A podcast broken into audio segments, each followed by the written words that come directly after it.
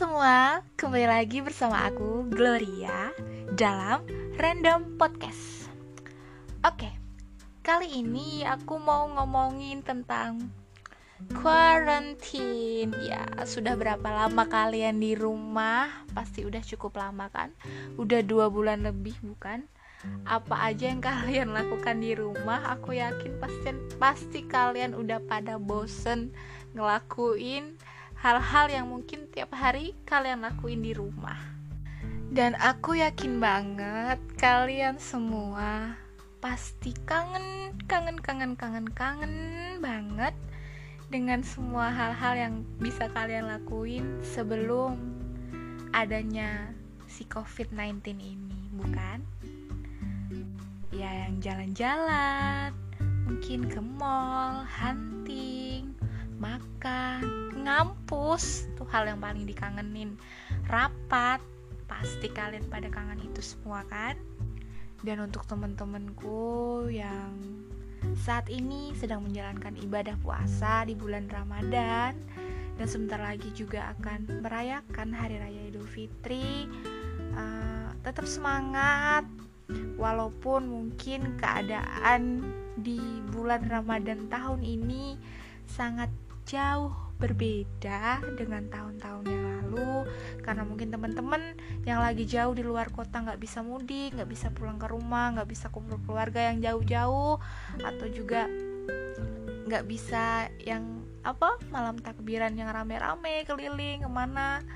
Mungkin nggak bisa karena kita tetap harus menjalankan protokol kesehatan supaya benar-benar rantai memutus rantai virus ini supaya benar-benar juga bumi kita pulih kembali. Jadi tetap semangat dan tetap berdoa. Aku sendiri kangen banget kangen banget ibadah kangen banget ke gereja teman-teman di gereja.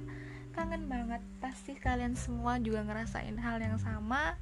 Tapi apalah daya kita nggak bisa apa-apa kita nggak bisa maksain keadaannya yang terpenting kita yang di rumah aja tetap berdoa tetap beribadah di rumah tetap jaga kesehatan.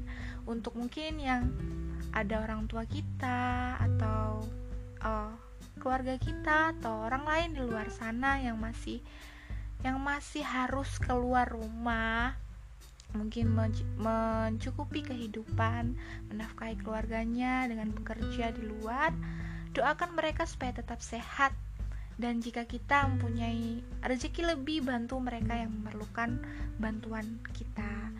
Jangan lupa berdoa, tetap beri support system untuk satu sama lain kita karena kita sangat membutuhkan itu.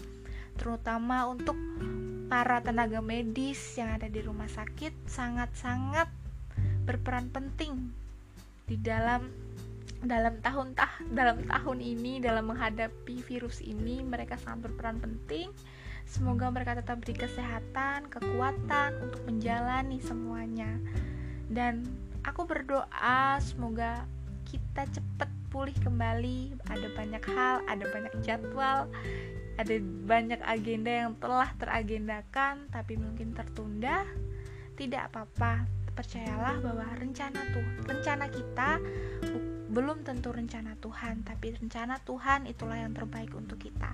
Jadi untuk semuanya teman-temanku yang berada di mana pun tetap semangat, tetap semangat dan jaga kesehatan. Love you all.